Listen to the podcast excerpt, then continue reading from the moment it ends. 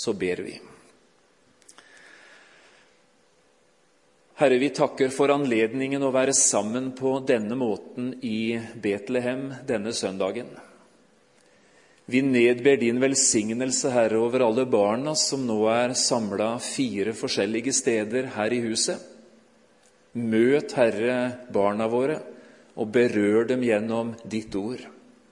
Gi veilederne mye visdom til å vise veien til deg og til det gode livet i ditt følge. Velsign også oss som er her når vi nå skal lytte til ditt ord.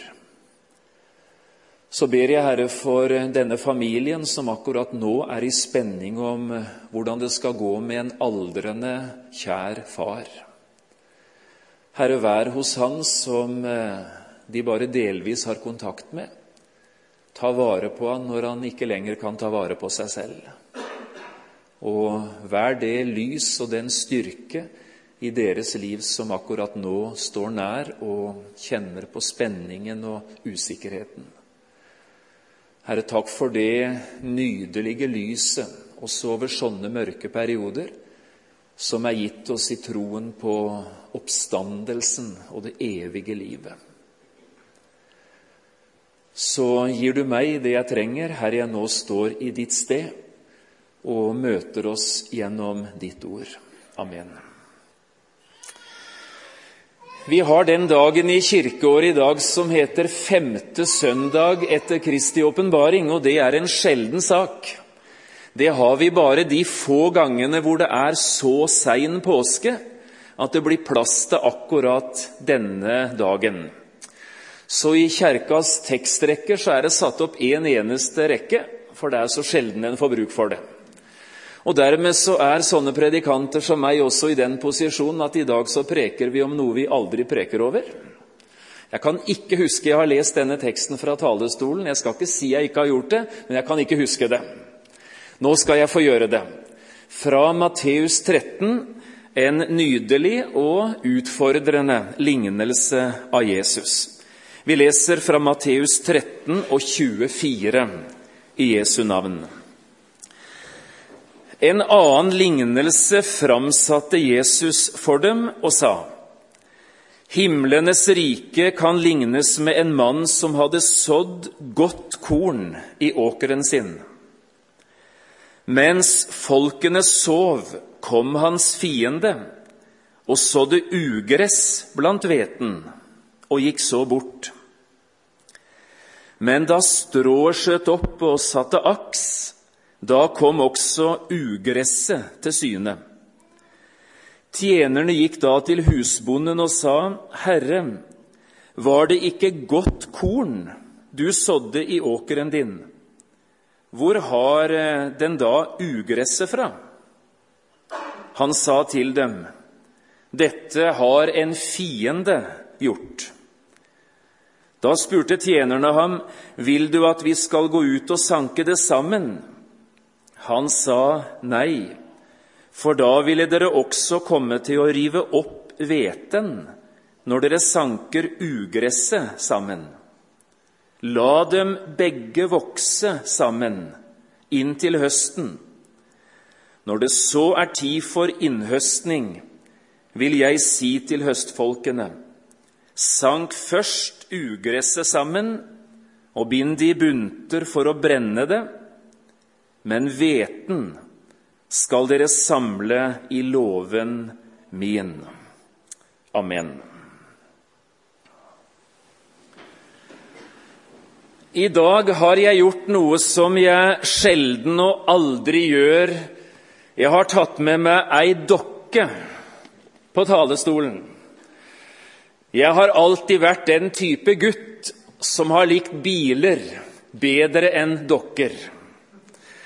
Eh, innimellom var jeg nok interessert i eh, dokkevogn eller barnevogn, men da handlet det om hjulene, som jeg kunne tenke meg å bruke til en ny olabil. Ellers så har det vært eh, biler og ikke dokker i min situasjon.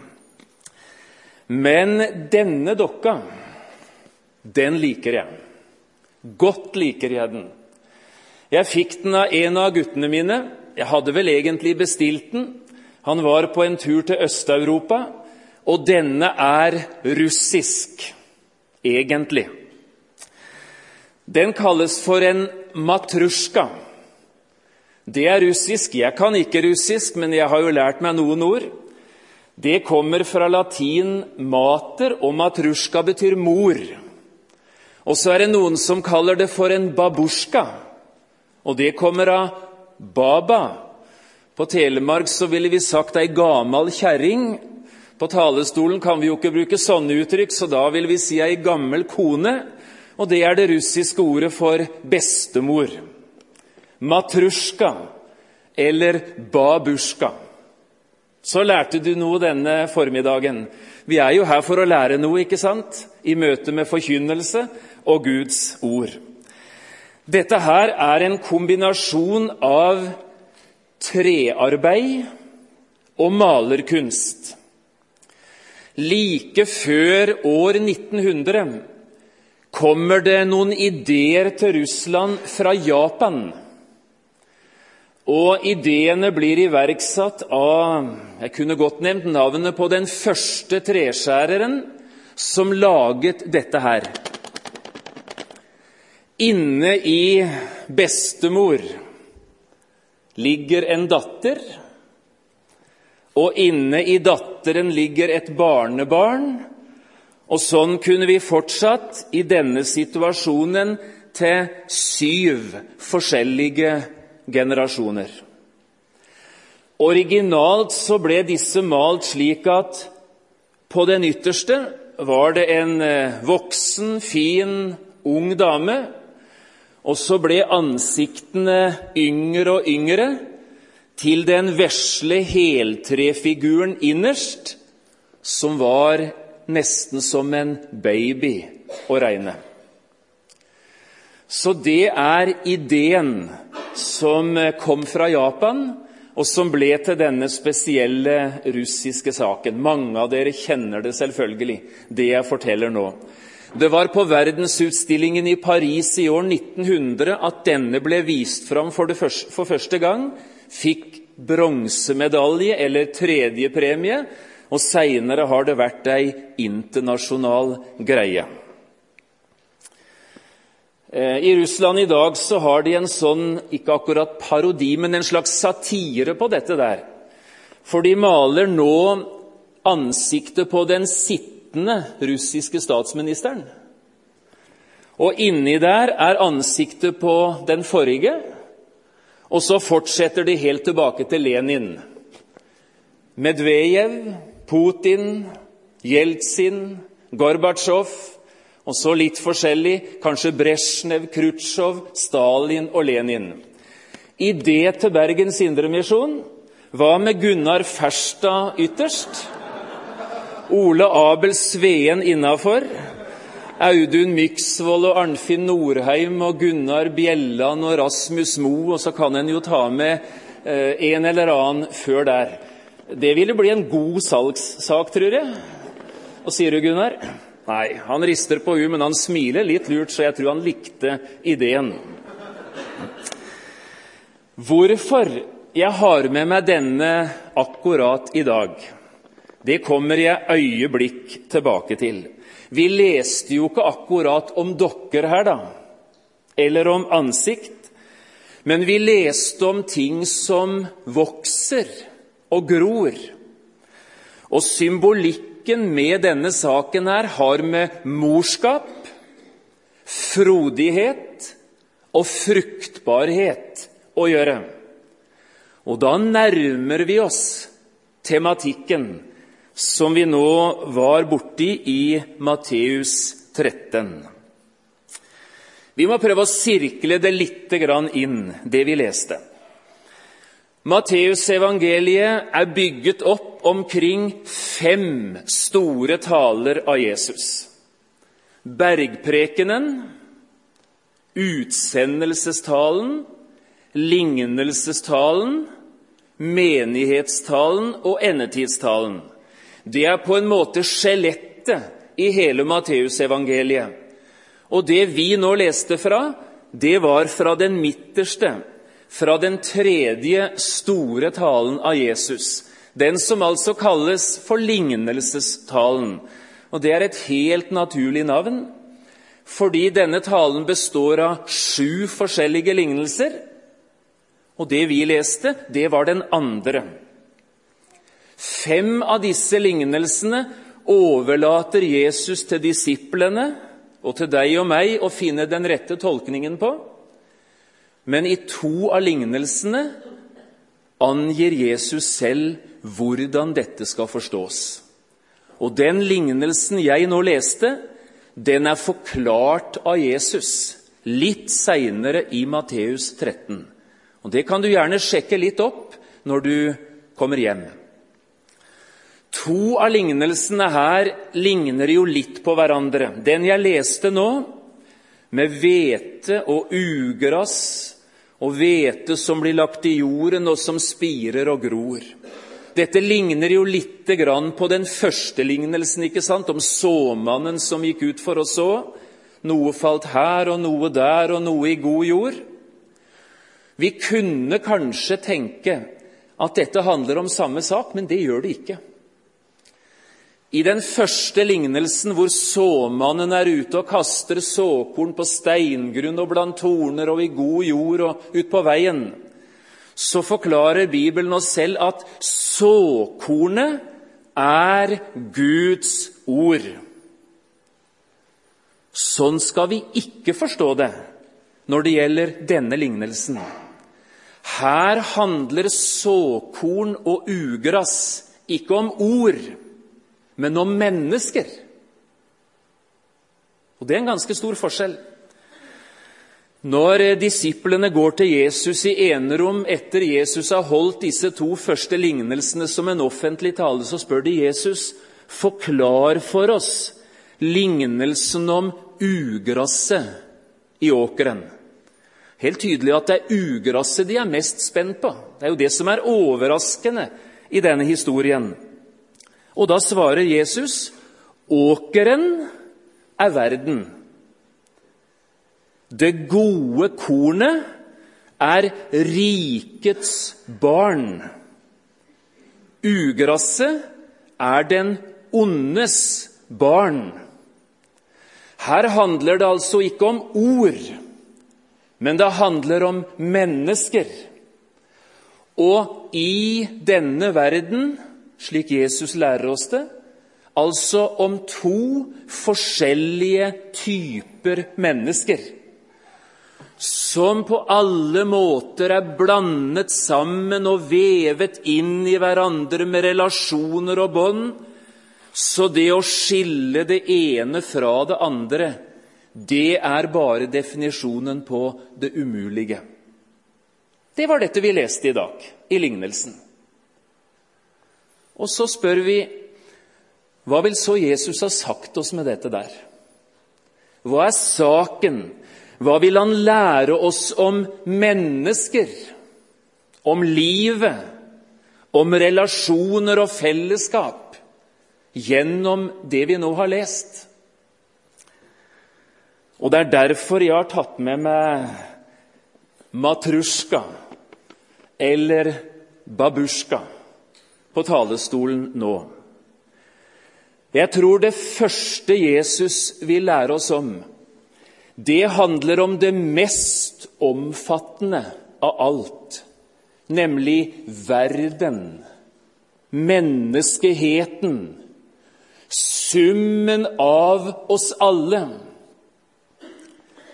Det skjedde nemlig i tidlige tider at Herren sådde noe i den verden han hadde skapt. Og de to første såkorn av denne kategorien, som her kalles for gode korn, ga han navn. Han kalte de for Adam og Eva. Gode korn, reine, fruktbare, med et potensial til liv og vekst og framtid. Alt lå så nydelig til rette for eh, de gode kornene. Og sannelig begynte det å spire og gro. Kain, Abel, sønner, døtre, Sett. Og de to første korn blir til mange. I Guds tanke det så så lyst og framtidsrettet ut alt. Hvete i jorden. Disse første korn var skapt inn i Guds geniale sammenheng. Antropos, menneske, betyr 'den som ser oppover'. Og det er menneskets adelsmerke, evnen til å kjenne Gud, elske Gud og tilbe Gud. Mennesket var skapt slik at det alltid skulle se opp til noe som er høyere og større og tilbedelse verdig, når de så mot Gud. Skulder ved skulder skulle menneskene stå sammen, leve sammen, tjene sammen, elske og arbeide. Ingen skulle se ned på. Ingen skulle kjenne seg undertrykket. Og som menneske skulle elske sin neste, skulle de elske seg selv. Det de eh, var overordnet, det var skaperverket, jorden, og forvaltermulighetene av et livsrom som var et speil av selve himmelen. Hvete i åkeren. Men eh, det fantes en fiende. Det fantes en som i ly av nattemørket gikk ut i dette genialt fullkomne, og som begynte å så tanker, ord, fristelser, løgner. Så kom synden inn og med synden kom døden, og med døden kom frykten. Og i stedet for kjærligheten, eller sammen med kjærligheten, kom hatet. Og ved siden av nestekjærligheten begynte egoismen å gro. I stedet for godhet ble det ondskap. I stedet for liv kom det livstruende. Hvete og ugress sammen. Var det ikke hvete du la i jorden, Herre? Hvor kommer da ugresset fra? Det har en fiende gjort, er Jesus var. Og vi lever i etterdønningene av denne verdens Gud og denne verdens fyrste, hver eneste en av oss. Dette er bakteppet som gir deg og meg som menneske svar på to av de viktigste spørsmålene vi stiller. Det ene lyder sånn Hvordan kan en kjærlig Gud tillate så mye vondt i verden? Hvordan kan Gud være kjærlighet når det er så mye krig og egoisme og elendighet? Hvorfor gjør han ikke noe med det? Er han ikke allmektig? Kan ikke Gud rydde det bort alt sammen, og så vise at han er kjærlighet, og han er den mektige? Hvorfor tar han ikke det vonde bort? Jesus' svar er ganske enkelt. Hvis han ryddet alt det vonde bort, og alle de vonde bort, hvem hadde han så å elske i etterkant? Hvem hadde han så å være god imot? Hvem kunne han så åpne sitt hjerte for og dra inn i sin favn i kjærlighet? La det stå inntil høsten, sier Jesus, for et arbeid med å rydde ugresset bort fra verden. Det ville rive hveten opp sammen med ugresset. Ser du det? Det er ikke en avmektig Gud. Det er ikke Guds avmakt som gjør at han ikke griper inn i forholdet til ugresset i tilværelsen. Det er hans guddommelige omsorg og geniale godhet. La det stå inntil høsten. Enda er det noen av ondskapens barn som kunne vinnes for himmelen. Det andre spørsmålet er dette hvorfor drøyer Jesus med å komme igjen? Her har det lytt løfter i 2000 år. Se, jeg kommer snart. Hvorfor kommer han ikke? Alt ved blir jo å være som det har vært. Det skjer jo ingenting. Holder ikke disse Guds løfter? Svaret er lignende av det svaret jeg ga i stad. Det er ikke i en slags avmaktsfølelse 'jeg makter ikke å innfri mitt løfte', men det er i en sterk opplevelse av langmodighet og omsorg. Jeg drøyer enda litt, om jeg kanskje kunne vinne enda noen. Se det ikke som et uttrykk for at Guds løfter ikke holder, sier Peter i sitt andre brev. Men se det som et uttrykk for at Gud vil at alle mennesker skal bli frelst og komme til sannhetserkjennelse. Og frelst må mennesker bli før sluttstrek settes. Dette har en fiende gjort, sier Jesus. Og Så beskriver han ondskapen. Men så legger han til 'la det stå inntil høsten', for å begynne å sile og luke og dømme. Det er ikke menneskers sak. I livsrommet verden finnes en del som heter Guds menighet. Guds kirke på jord. Bergens Indremisjon for den saks skyld. De utgjør ikke hele verden, men de er en del av det. En dag la Herren ett hvetekorn i jorden, og hvetekornet døde. Men etter tre døgn, tre dager, sprakk jorda. Graven var tom. Han som ble dømt til døden og spikret til et kors, viste seg som seierherre.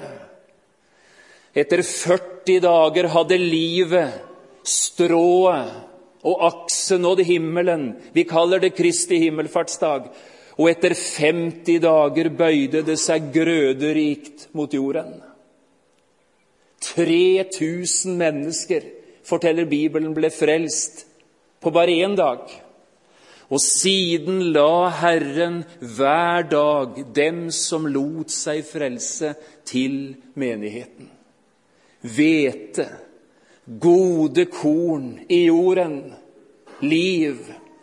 Og det har såmannen gjort i 2000 år. Ord om Jesus lød. Hjerter fattet tillit til det som ble sagt. Mennesker ble født om igjen ovenfra, på nytt. De fikk en ny lyst etter å gjøre Guds vilje, til å gå Guds vei. Det ble viktig for dem, de andre, at alle må se ham som jeg. Og de begynte å tenke over hverdagen hviler en himmel. Og jeg vil aldri glemme hvor jeg skal. Guds menighet er jordens største under. Hvis Bergens Indre Misjon har med Gud å gjøre, hvis Gud besøker denne forsamlingen hver eneste gang mennesker er her, skal forsamlingen være klar over at også fienden er her. hver eneste gang med ugress i åkeren. Og ugress er mennesker. Hvorfor snakkes så mye om Bibelens autoritet? Hvem har patent på sannheten? Vi ser da stykkevis og delt, alle gjør vi ikke. Hvordan kan noen være så arrogante at de sier det er én vei til himmelen, og veien heter Jesus? Når det er så mange religioner, og så mye fromhet, og så mye ærlighet omkring i mange av religionens områder. Er det noe så viktig med 'født på ny'? Skal vi snakke så intenst om personlig kristne? Er ikke det viktigste å aktivisere folk? Få organisert oss? Få til et arbeid som er smurt, og som ruver, og som Er det noe så sikkert vi skal til himmelen? Er det ikke himmelen som skal til oss? Hvem har sagt at noen mennesker blir frelst og andre går fortapt? Var vi ikke ferdig med dette med livets to utganger i 1953? Er det ikke et pust fra fortiden å snakke om det er én inngang til livet, men to utganger? Og hvem har sagt at Bibelen er å stole på i etiske spørsmål? Verden går jo framover. Og hvordan kan en ungkar fra Tarsus ha det avgjørende ordet på vanskelige samlivsspørsmål? Selvfølgelig handler dette om ord og om lære, men det handler om mennesker. Sunne ord forkynnes av mennesker med sunn lære. Usunne ord forkynnes av mennesker med usunn lære. Hvete og ugress i samme åkeren. Hvis Bergens Indre Misjon var et unntak fra denne regelen, var dette det eneste unntaket i tilværelsen. Men det er ikke et unntak. Hva skal vi gjøre med sånt? Skal vi begynne å rykke det ene ut og stenge dør for noen og åpne for andre og være La det stå, sier Jesus, inn til høsten. La det stå. Når jeg har sagt dette, må jeg legge til én ting til. For inne i menigheten er det noen som har det privilegiet og det ansvaret at de betjener barna, tenåringene, med Guds ord? Noen i sangene vi synger, andre i andakter og taler som holdes. Og i den stand som jeg representerer, er det hvete og ugress side ved side. Denne prekenteksten er ikke en tekst til alle de andre. Den er også til han som taler. Hvete og ugress. Hvordan skal vi forholde oss til at én sier det, og en annen sier det motsatte? Enten det gjelder frelsesspørsmål eller etiske spørsmål eller hva det er. Det at Jesus sier 'la det stå', Betyr det at eh, vi skal ikke gjøre noe? Jeg tror jeg skal si det sånn.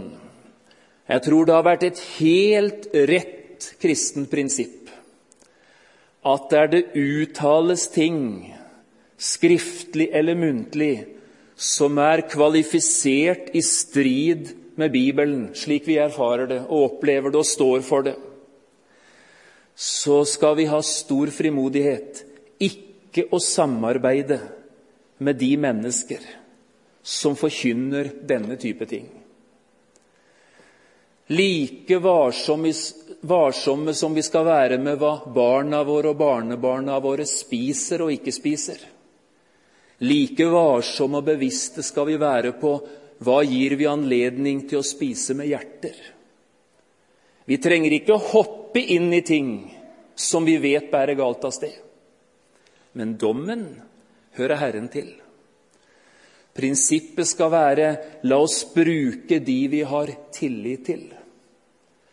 Ikke med knyttnever og skitne ord i forhold til de vi ikke kjenner tillit og kan bruke.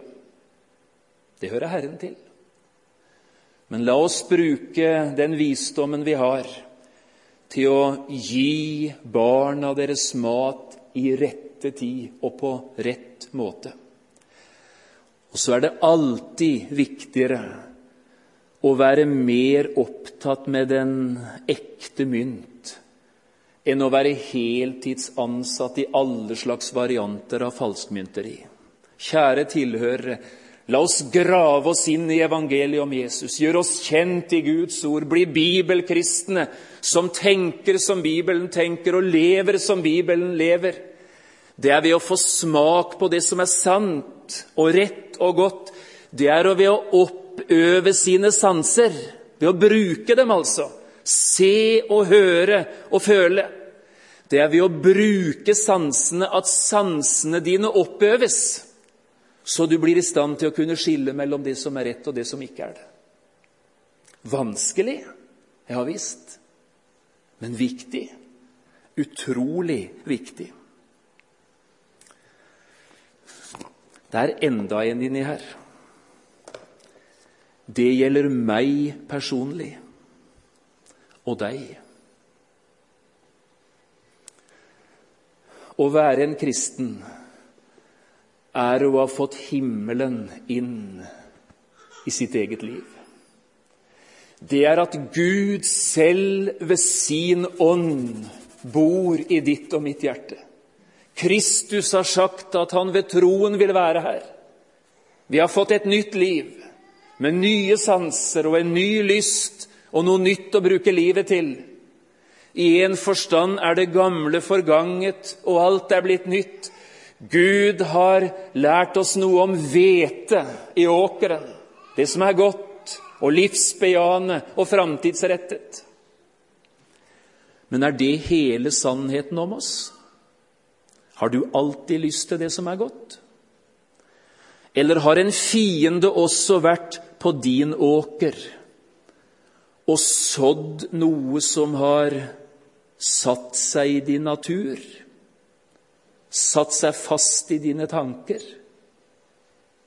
som preger dine ord og dine gjerninger og dine holdninger?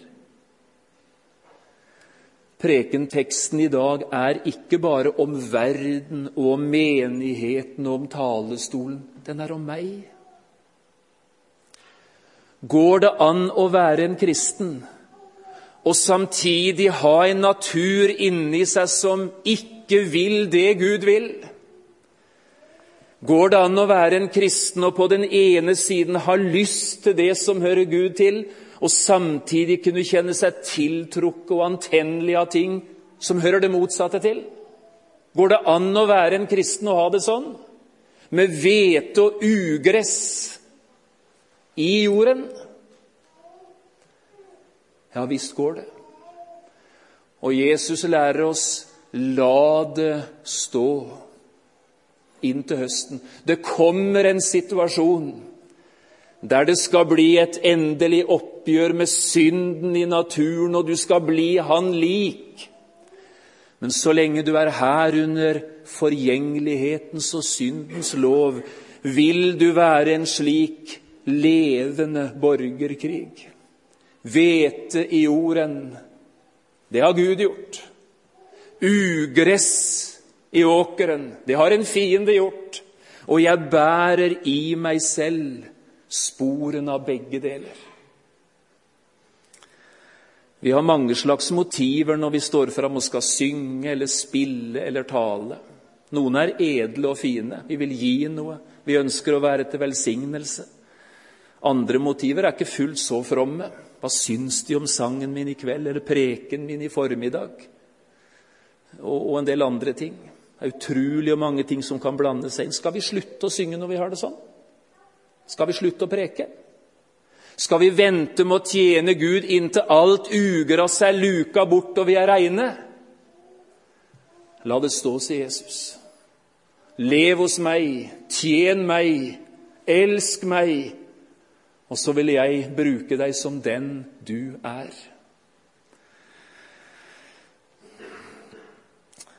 Jeg tror jeg vil slutte sånn. Dette er Matteus. Han var toller, landssviker og sett ned på alle. Så godt at Herren ikke rykket han opp av jorden, men lot han være toller fram til han selv kom og kalte tolleren til seg.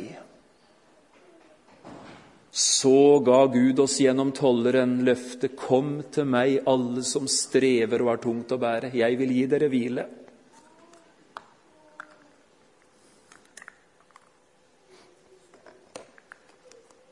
Dette er røveren på korset. Hvor mange som hadde ønsket han dit pepperen grodde, årevis før han døde. Det var sikkert mange. Men Herren lot han stå. Og den siste dagen han var i denne verden, hentet Jesus han inn og ga han frelsesordet. Hvor mange denne botferdige røveren har vist veien til Jesus for seinere, det vet bare Gud. Dette er Paulus. Gudsfornekteren, nei, ikke gudsfornekteren, men Jesusfornekteren og forfølgeren og mannen med hat. Så godt at de kristne som ønsket han vekk, ikke fikk bønnesvar. Så godt at Herren lot han stå inntil han selv fikk hånd om dette jordstykket. La det stå. Kanskje jeg har talt en i formiddag som tenker kan det være noe framtid og håp for meg sånn som jeg er? Ja, det kan det. Slik som jeg var, kom jeg til Gud og fann heim att til far. Året var 1916.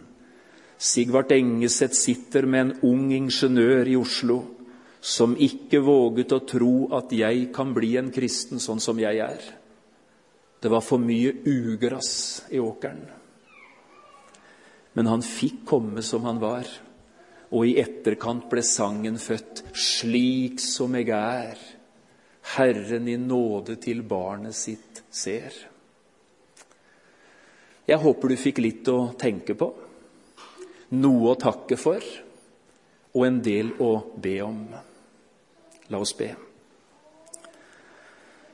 Herre, vil du la den bibelvandringen vi nå har gjennomført, så tanker i oss, skape lengsler i oss, gjøre oss årvåkne, men mest av alt frimodige. Herre, du elsker meg slik som jeg er, og vil bruke meg, ikke slik som jeg skulle ha vært, men slik jeg er. Velsign denne forsamlingen, der hvete og ugras kan finnes side om side. Herre, at du vil gjøre ditt arbeid fortsatt imellom oss. Amen.